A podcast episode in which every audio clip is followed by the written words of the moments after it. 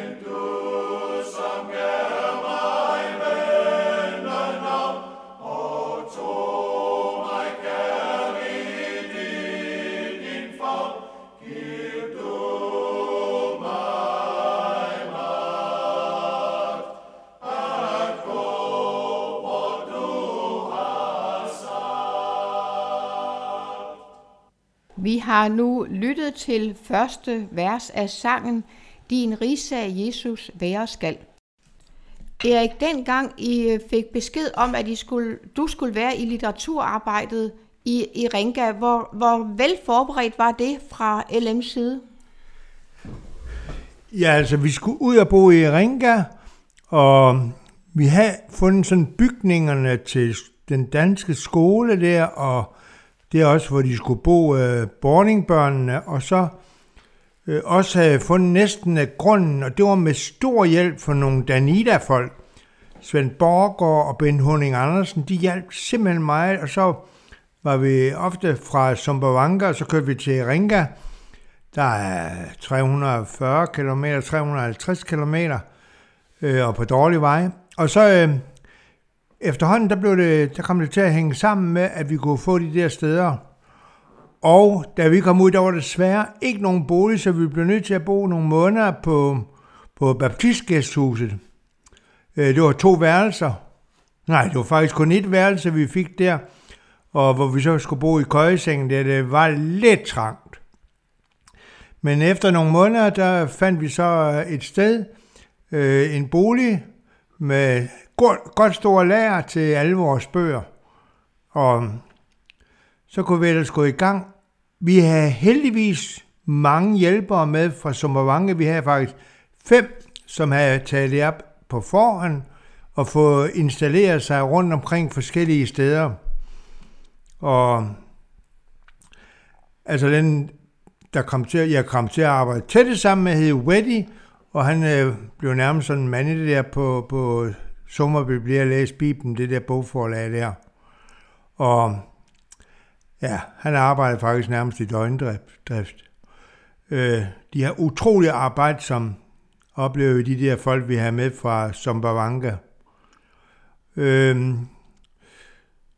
som jeg, sagde før, som jeg har sagt før, så fik vi at vide, at der var nogle bogsalg, der allerede havde lukket, så der var ikke de store muligheder men så er det godt, at afrikanerne har en meget, meget stor tro, og sagde, for Gud er ingenting umuligt. Og så blev der virkelig sat gang i litteraturarbejdet. Og vi havde, øh, der var simpelthen en gang, der havde jeg været op på øh, Bibelselskabet, og så øh, sådan troens vågemod, der sagde vi, hvor mange øh, nyeste mænd har I dem der til syv shilling? Mm, der har vi 56.000. Jamen, dem vil vi gerne købe. Jamen, det er en hel container. Jamen, det vil vi faktisk meget gerne købe det der. Og Bibel, hvor mange har I dem? dem? Der har vi måske 12.000, så dem vil vi faktisk også meget gerne købe. Og så spurgte de sådan forskellige ting, øh, som vi synes, vi godt kunne bruge, og vi vil have glæde af at sælge videre til andre. Så vi tømte faktisk øh, deres lager, vi blev kaldt støvsugerne af dem. Og vi gjorde det lidt for, at Bibelselskabet skulle bestille endnu flere bøger udefra af, fra andre lande. De blev faktisk trygt i Kina, biblerne. Så i og med, at deres lager var tomme, så blev de simpelthen nødt til at bestille nogen selv. Så det var godt både for dem og for os. Men så må jeg bare sige, Nord 50-56.000 nye testamenter Erik, tænkte jeg. Fordi jeg kom lige hjem og skulle hjem til min fars øh, 70-års fødselsdag. Og så sagde jeg der til fødselsdagen, Erik, du har kommet til at bestille 56.000. Det bliver en stor, de kalder det lagersucces. Så det vil rygte sådan mange år i frem. Der var en gammel missionær, der ikke rigtig kunne finde ud af at bestille ordentligt. Så han er kommet til at bestille så mange, vi ikke kan komme af med. Men jeg kan godt fortælle dig, det var som at sælge is på en rigtig varm strand. Der blev nærmest, de blev flået ud af hænderne på en, når man kom rundt forskellige steder og solgte øh, bøger. På det tidspunkt havde vi faktisk besøg af min storebror Alex og Ellen, og de har fire børn. Og de var så med rundt og sælge bøger der, og jeg kan godt fortælle, at to tog imod penge, og to øh, øh, hele tiden holdt os ved lige med bøger, og to stak bøger ud, når pengene var kommet ind. Sådan foregik det hurtigt, og der var virkelig trængsel om, øh, om øh, litteraturbogen, øh, litteraturvognen der. Nu er det sådan, og jeg har lært det faktisk ved, når jeg har gået på tur med min kone, og hun skulle have nyt tøj. Erik, hvordan sparer vi mange penge op? Du skal sørge for, at Birgitte ser rigtig mange kjoler. Hun ikke kun ser én, fordi så vælger hun ret hurtigt, men hvis hun ser en 5, 6, 7, 8 stykker, så har hun svært ved at vælge, så jeg tror lige, jeg venter til en anden dag. Og det overførte jeg faktisk til litteraturarbejde. Jeg sagde, Erik, den bog, du vil gerne og allerhelst vil sælge, den viser du. Så det var et nyt cement til 7 shilling, og den viste vi så, og den gik som varm brød. Så min, øh, min søskende, eller min er Alex og Ellen og deres børn, de lærte at sige shillingisaba, det betyder syv shilling. Shillingisaba aganodibia, det betyder nyt testamente, aganodibia shillingisaba. Ej, hvor har de sagt det mange gange.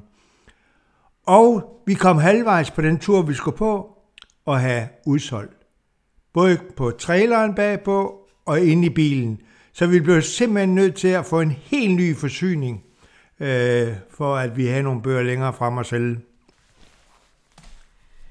Så du, det blev ikke nogen lærersucces? Nej, jeg blev virkelig gjort til skamme. Nej, hvor var det mærkeligt. at det er virkelig fantastisk, når Gud gør så stor et under. For jeg synes også, det er ham, der har ligesom været med til, at jeg tog at sige 56.000. Og det, det var også, jeg vil også sige, værdien af, at der er mennesker i Danmark, der beder for, for en. Det har jeg tit sagt til dem, der er hjemme. Det er jer, der bestemmer. Det er jer, der styrer arbejdet. Jeg, som beder for os, fordi I åbner og lukker nogle døre for os. Og det allervigtigste i Guds rigs arbejde, det er, at der er nogen, der beder til Gud, at han må hjælpe og give nogle muligheder. Jeg skal lige høre, sådan noget som sangbøger, solgte de også det? Ja, vi havde sådan en, der hedder Åndelige Sange, Tændsel og Håne. Den havde vi der. Den solgte vi også rigtig mange af, fordi de, de kom jo aldrig ud i landsbyerne. Så når de lige pludselig så, at vi havde de der Tændsel og Håne der, så, øh, så solgte vi rigtig mange af dem faktisk.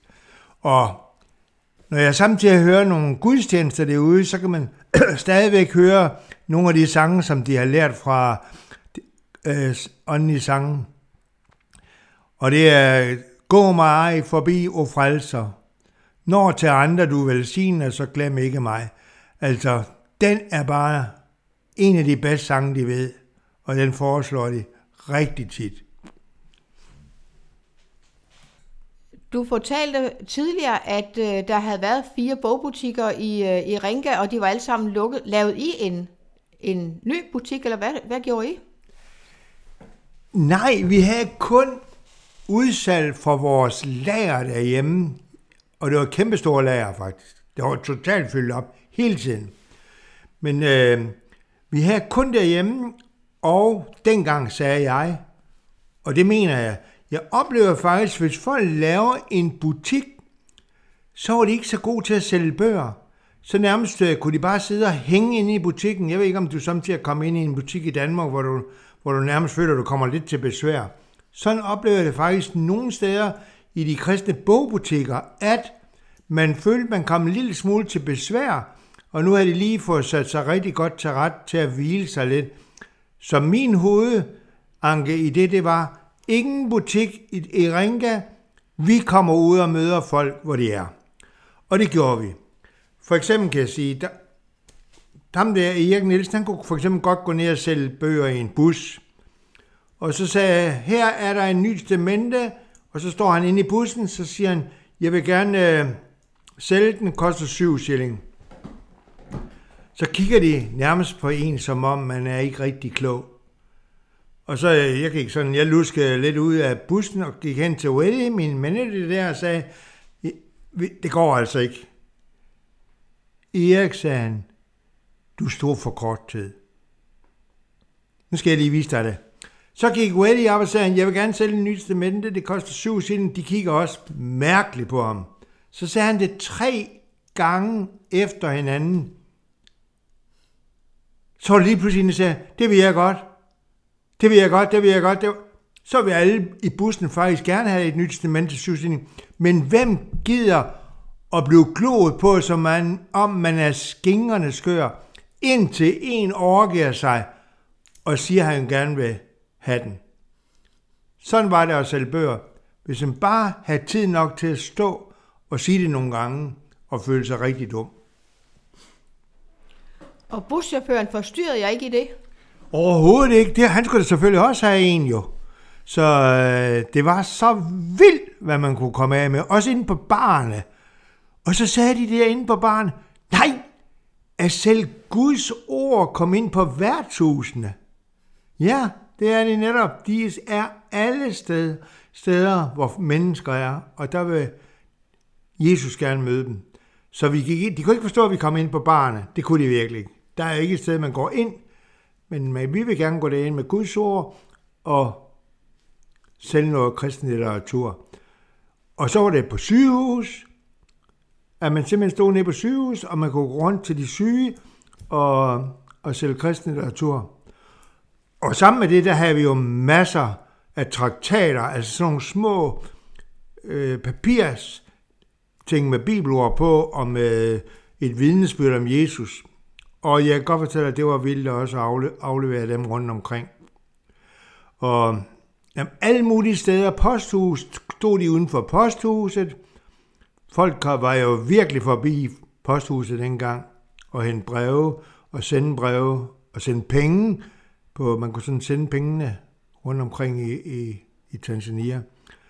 Så altså alle steder, markedspladser, der hvor de snakkede, solgte bananer og tomater og sådan noget, der, der solgte de simpelthen også øh, masser af litteratur. Jeg kan sige, at ham, der blev manager, ham ansatte jeg faktisk nede som Bavanga, fordi jeg havde en mand med et ben, så han kunne ikke lige gå ned med bogkassen ned til Sumbawanga marked.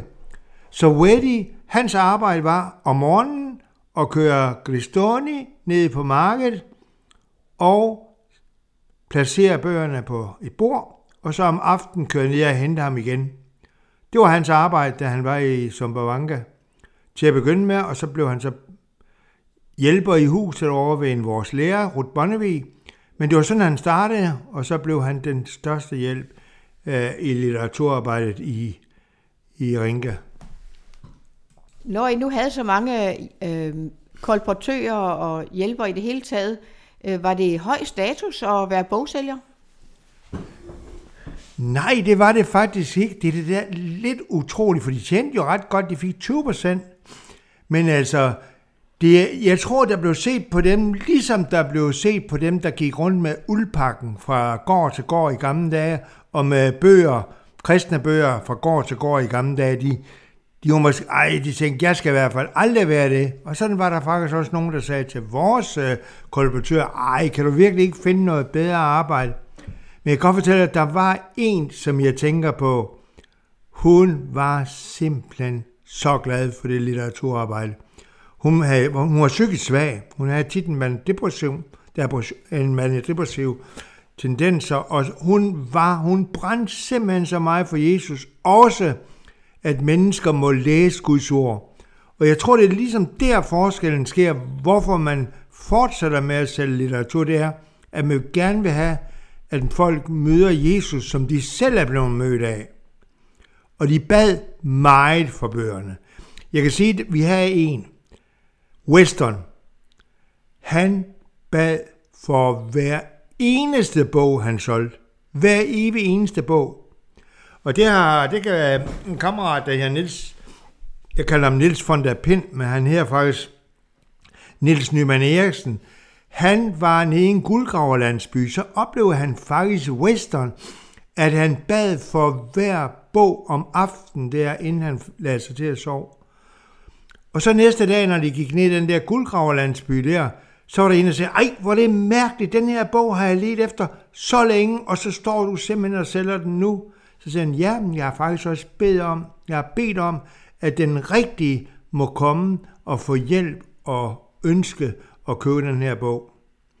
Og det var i en guldgraverlandsby, og de, dem, der kom hen på øh, skadestuen og sådan noget, det var ofte med knivstik.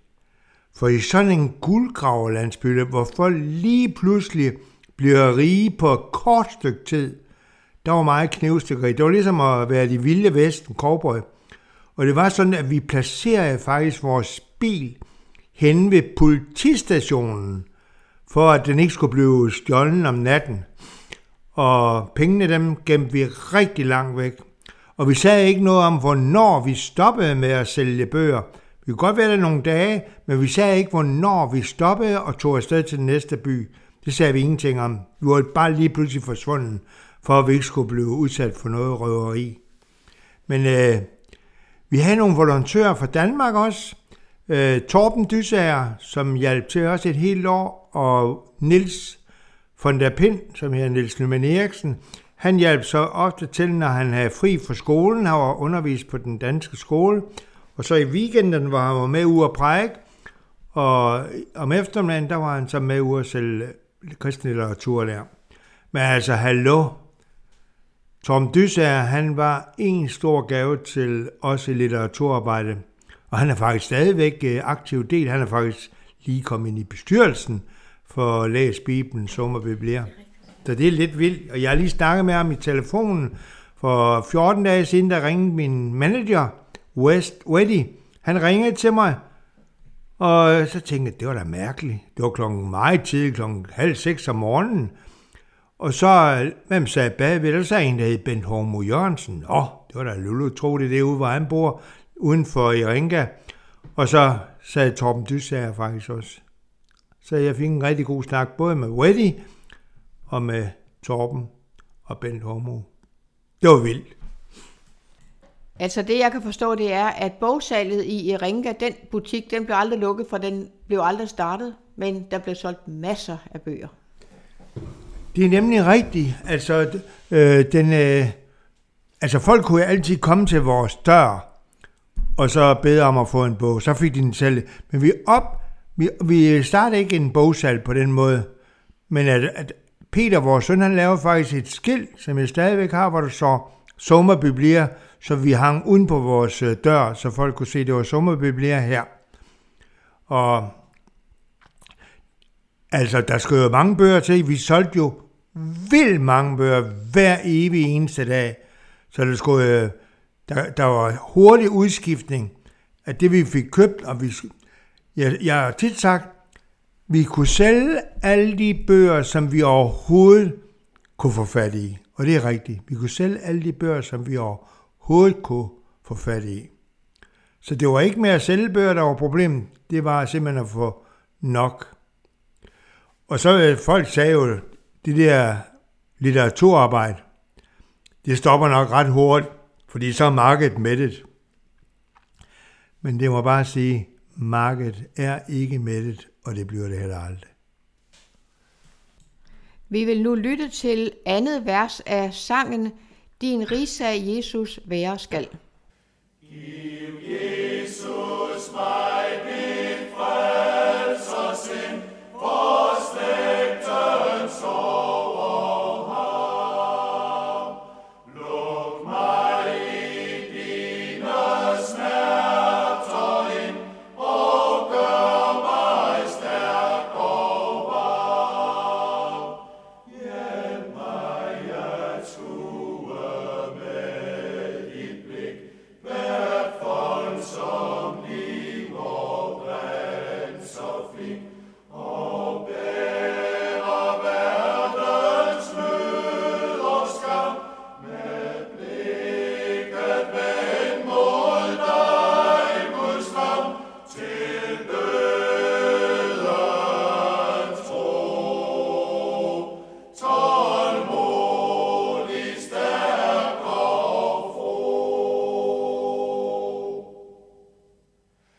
Erik, I var i, øh, i Ringa i tre, to år, og så var I hjemme på overlov igen. Men så kom I til Dar es Salaam, og hvorfor gjorde I det? Jamen, øh, vi kom jo hjem, og så fik noget arbejde her i Danmark indtil 2002. Og så, øh, så sag, ringede vi faktisk til LM, Luthers Mission, og spurgte, om de kunne bruge sådan nogle gamle missionærer der i Dar es Salaam, selvom det var varmt. Så vi tog faktisk til Dar es Salaam et år og tog ud og solgte bøger øh, forskellige steder i, i landet. Og for eksempel, øh, når vi havde årligt, der var der sådan, at øh, man solgte øh, en bibellæsplan. Og den havde også sommerbiblier. Og så stod vi nede ved posthuset, der fik vi den bedste plads nede ved posthuset, hvor, eller på markedet, et kæmpe marked, og så solgte den der bibellæsplan, som var en kalender og en bibellæsplan til hele året. Det var simpelthen ikke succes, og det var forskellige, som havde skrevet, ligesom i, man kan få en bibellæsplan her i Danmark, sådan var også lavet i Tanzania på det tidspunkt. Og så tog vi også øh, tit ud til gudstjenester, og der står man bare tidligt op. Så står man virkelig tidligt op, og så øh, går man ud, og så sælger bøger ved gudstjenesten. Man får lige lov til ved gudstjenesten og sige lidt om de bøger, som øh, vi har med, og som de måske gerne vil købe. Og så øh, bagefter, når de så går ud, for, så er der en kæmpe rand af folk, som gerne vil købe kristen litteratur i i, øh, ved kirken der. Så var det også samtidig, at vi var på hele, en tur rundt i hele Tanzania, hvor der også var mulighed for at sælge. Og der kan jeg bare sige, der var en gang, vi var op i en by i Mwanza. Der havde de så mange af en bog, der hed Nyt Testamente, som vi solgte virkelig mange af. Så sagde de, vi kan bare ikke komme af med dem. Hvad siger du? Ja, vi kan ikke komme af med dem. Så sagde må jeg lige låne hele stavlen, du har? Ja, det må du gerne. Så gik jeg bare lige 15, 15 20 skridt udenfor, og så fik vi udsolgt i løbet af ganske kort tid. Det er jo tit det lige at komme udenfor og møde mennesker, og hvis du har solgt en bog, det er den første bog, der er den sværeste at sælge. Hvis du sælger den en bog, så vil alle de andre også gerne have det. Sådan har jeg faktisk også oplevet med børn. Jeg har nogle ting med ud til børn en gang imellem, og der er samtidig nogen, der kigger på mig, som om jeg skør i hovedet, at jeg vil give dem den og den ting. Men så kommer der lige pludselig et andet barn. Hov, den vil jeg da gerne have. Jamen, så er den første, vil sådan set også gerne have den. Altså, den første er altid sværest at komme af med. Og så har vi faktisk udsolgt ret kort tid efter. Så vi skal væk fra de der hylder, og så ud på vejen lige udenfor, hvor, hvor litteraturen kan blive spredt hurtigt. Havde I nogle særlige oplevelser, mens I var afsted det ene år? Ja, der var faktisk sådan, at vi skulle have missionærkonference nede i noget, der, der hvor i Ringa, hvor litteraturarbejdet startede. Så tænkte vi, ej, nu tager vi afsted 14 dage før konferencen er og der er cirka 500 km ned til Iringa. Så hver gang vi ser 10 mennesker på vejen, standser vi og prøver på at sælge bøger. Og det gjorde vi så, og kom af med rigtig mange bøger hele vejen derned, og havde god tid. Og så øh, sov vi i Morogoro, det er cirka 200 km fra Dar es Salaam. Og så nogle dage efter, der var vi 30 km før Iringa, og så gik vi ind til et sted, der hedder Ulula, Mlula, og så øh, sagde de, der var et Luthers gæstehus, som lå lige ved siden af et tygehus. Og så gik vi derop, og så var det en lørdag, vi var der, og så sagde vi har tænkt på at gå til gudstjeneste i morgen. Kan du sige, den bedste kirke, vi kan gå i gudstjeneste ved i morgen? Så sagde de, jeg tror faktisk, den bedste kirke, det er ved en, der hedder, bor lige dernede, han her Weddy. Weddy, sagde Altså, Sicasso. Ja, Sicasso. Jamen, det er da ham, jeg har været med til at starte litteraturarbejde sammen med i Ringe. Ja, det er nok måske ham. så sagde han, så skal jeg alligevel ikke sove op på jeres gæstehus. Så tror jeg, jeg går ned og sover ved Weddy, og hans kone der, Furar, det betyder glæde. Så tog vi ned, og så fik jeg dem, jo afrikanere, som jeg var sammen med, lige gå hen og banke på hans dør, og skjulte mig faktisk for ham, og så kom man ud, og så var det en total glædelig gensyn at se ham igen. Så lige pludselig fra at bo på et lækker gæstehus, så boede vi lige pludselig ned på deres øh, værelse der i, i Lula. Hvad var grunden til, at øh, Soma Biblia blev flyttet fra Iringa og så til Dar Salaam? Jamen, øh, det var jo sådan, at øh, det, det blev stadigvæk øh, kørt nede i Iringa. Og der blev lederen faktisk ham, som har holdt haverne, eller min, min bror og svigerindens have på den danske skole. Han blev leder af sommerbiblier i Iringa. Og så ham der, der var muslim, som var kommet til tro i mellemtiden, han blev så hans hjælper.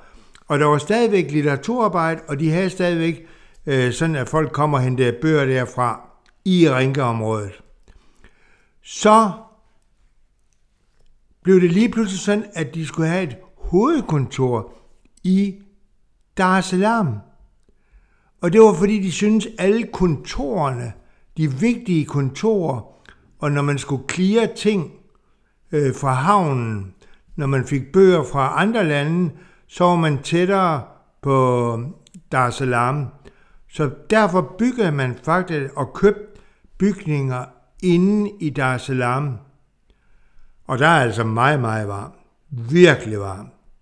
I forhold til i Ringa. I Ringa der er der 20-23 grader, og i Dar es Salaam kan det komme op over 30 grader, og der er frygtelig varmt, og det er fugtigt.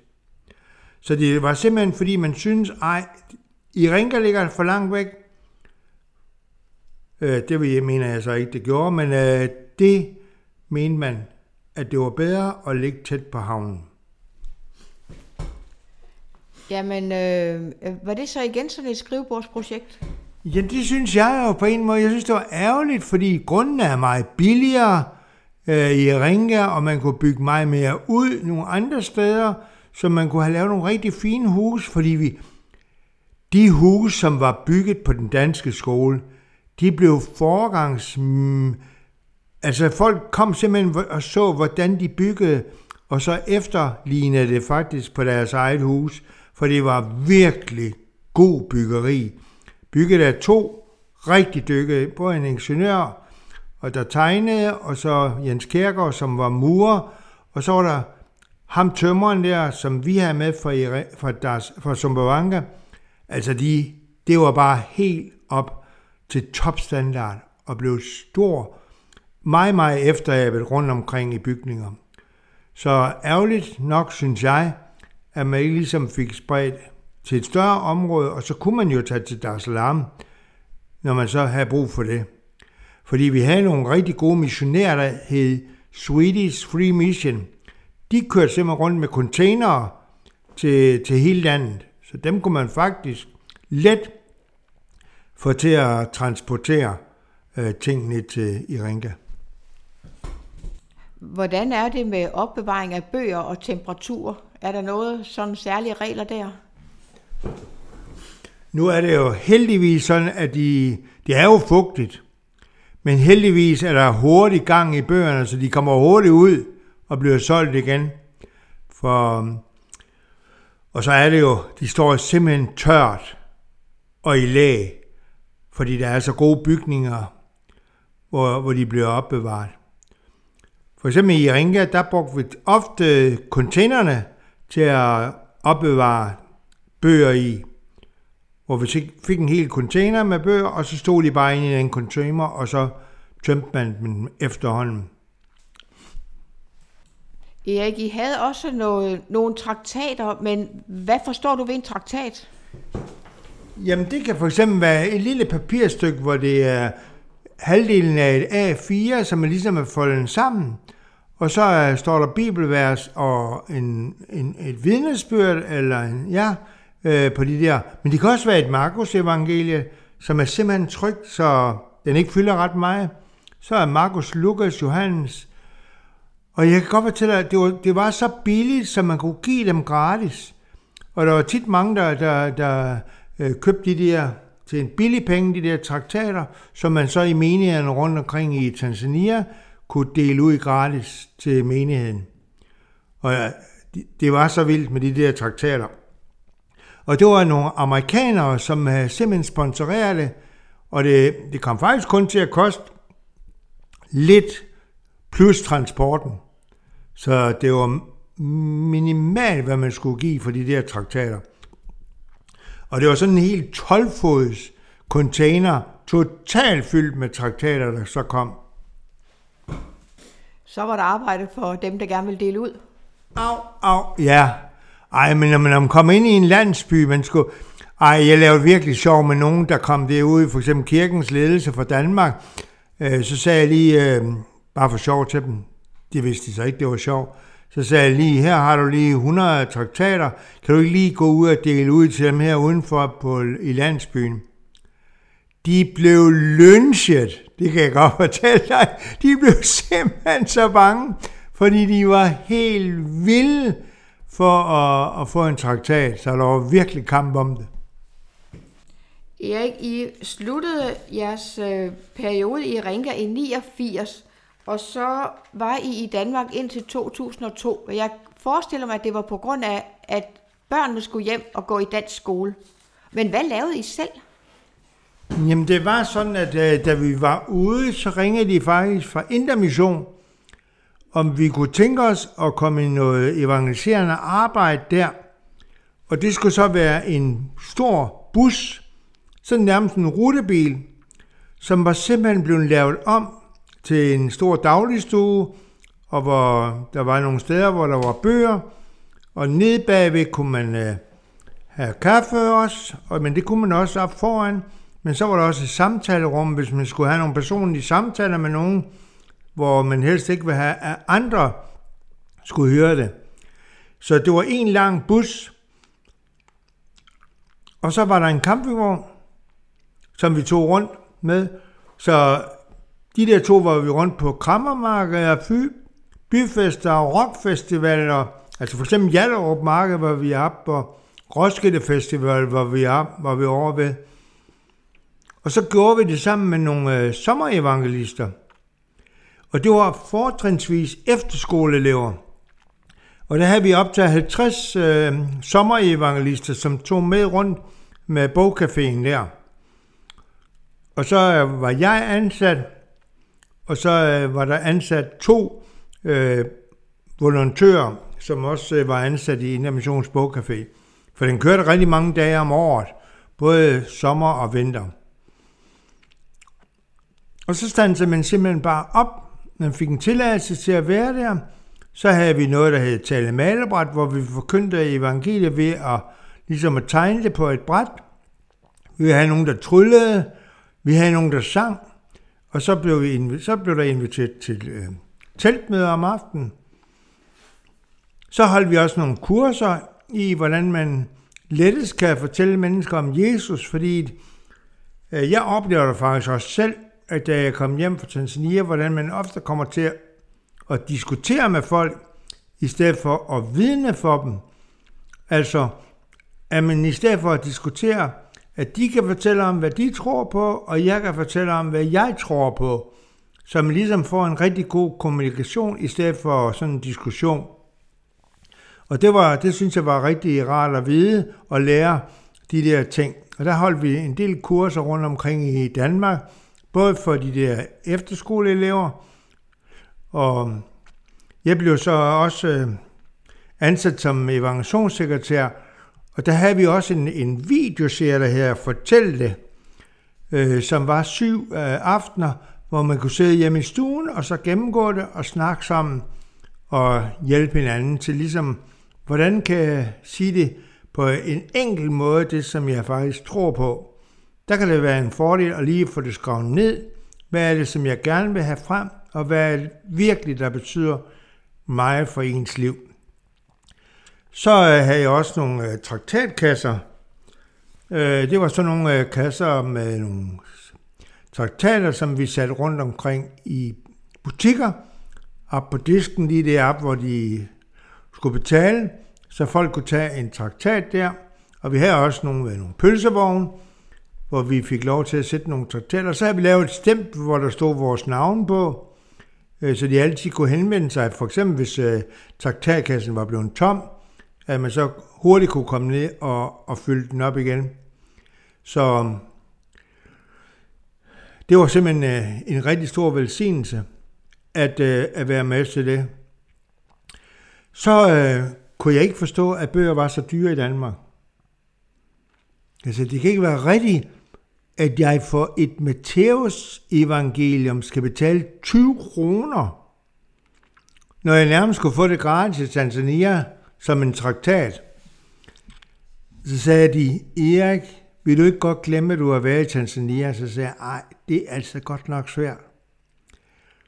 Så sker der et under, at jeg kommer med til et møde, hvor man tænker på at dele, da man fik den der 92-udgaven af Bibelen, så tænker man på, at nu vil vi dele Ny Testamente ud til hele København. Og det var faktisk 770.000, tror jeg det var. Men hvad, hvis de koster 20 kroner? Og så var jeg med til et møde der, hvor de snakkede om prisen. Så var der en svensker, han sagde, jeg vil godt sponsorere det til næsten ingen penge, og jeg skal nok få dem trygt. Så var der faktisk en fra en generalsekretær for Bibelselskabet. Jeg vil faktisk godt love, at I kan få et helt nyt testamente til 5 kroner. Altså 20 kroner for Matthæus kun. Nu skulle jeg, kunne jeg lige pludselig, nu kunne vi få det for 5 kroner for et helt nyt testamente. Så prisen blev faktisk 5 kroner. Så skyndte vi os at bestille 75.000, som vi kunne have et lille lager over i Indre hus, og som folk så kunne købe derfra. Men ellers blev der trygt 770.000 til husstandsomdeling i København. Og det var lidt sjovt, fordi de fik at vide igennem medierne, at nu kom der et nyt testamente til dem. Og det var tit, de ringede ind til kirken og sagde, undskyld, men jeg håber, I har glemt os i den ejendom, hvor vi bor i, fordi vi har ikke fået dem endnu. Jamen bare roligt, I skal nok få dem. Så vi var rundt i hele byen med nytestamentet, som var nyoversat der i 92, og som øh, og så blev det så også derfra inviteret til nogle kirkelige arrangementer, for eksempel et kristendomskursus, hvor man kunne komme med til kristendomskursus rundt omkring i kirker og missionshus. Alle kunne melde, ligesom melde sig til, hvor man så puttede en lille folder ind i alle de der nye testamenter. Men det var lidt specielt.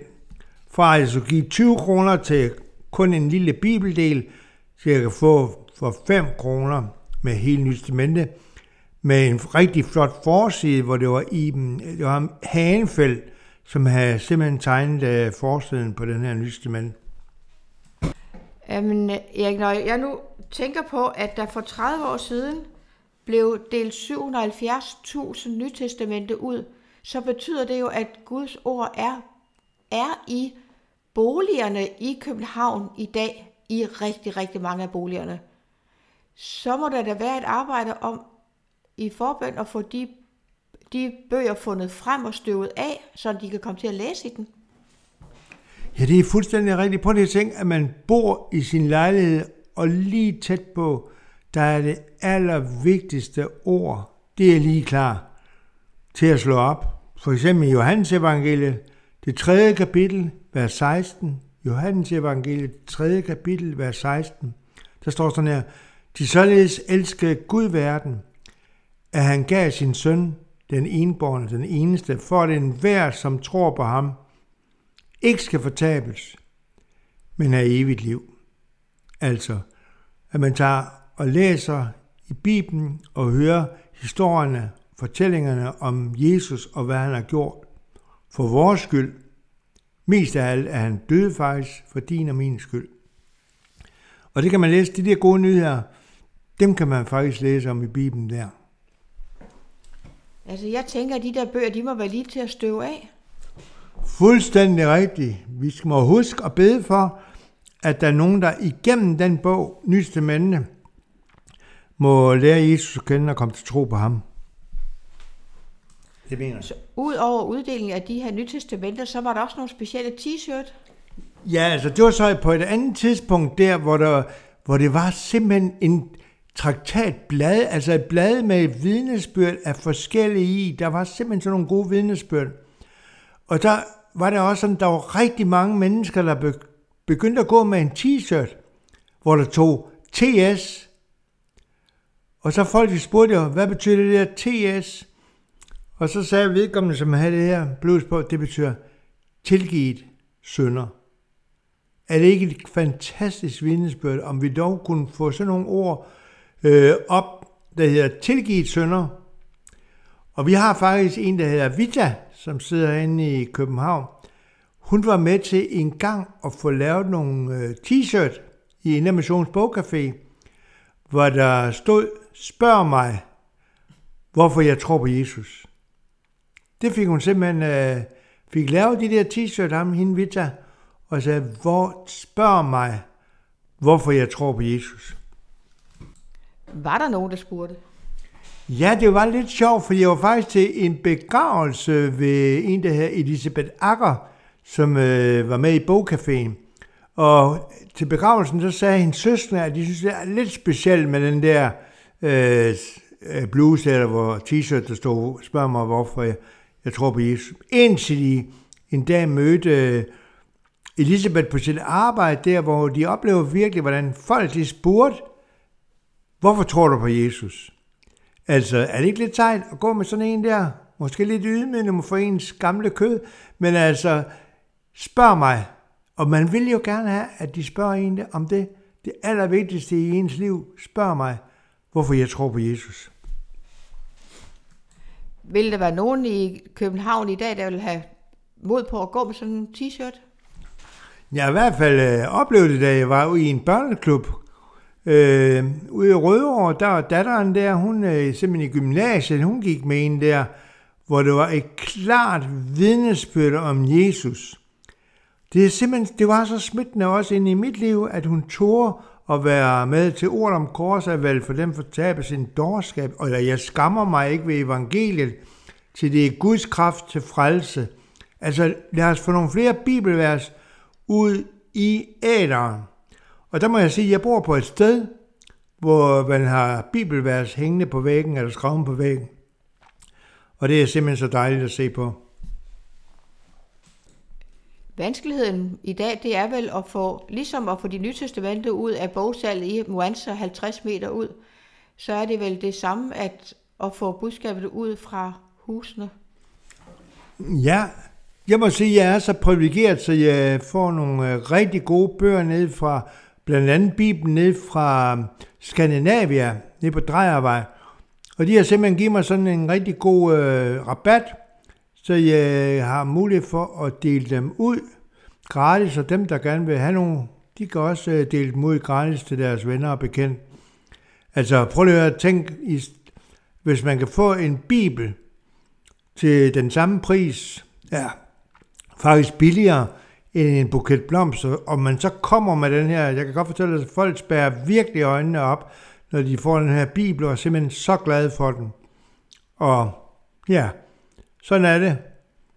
Øh, jeg oplevede det faktisk lige så i torsdags faktisk, hvor jeg var nede på Café Luther, hvor for tre torsdage siden var der en af vores brugere, som havde besøgt sin datter og barnebarn, og så gav vi barnebarnet en bibel, som hun blev simpelthen så glad for.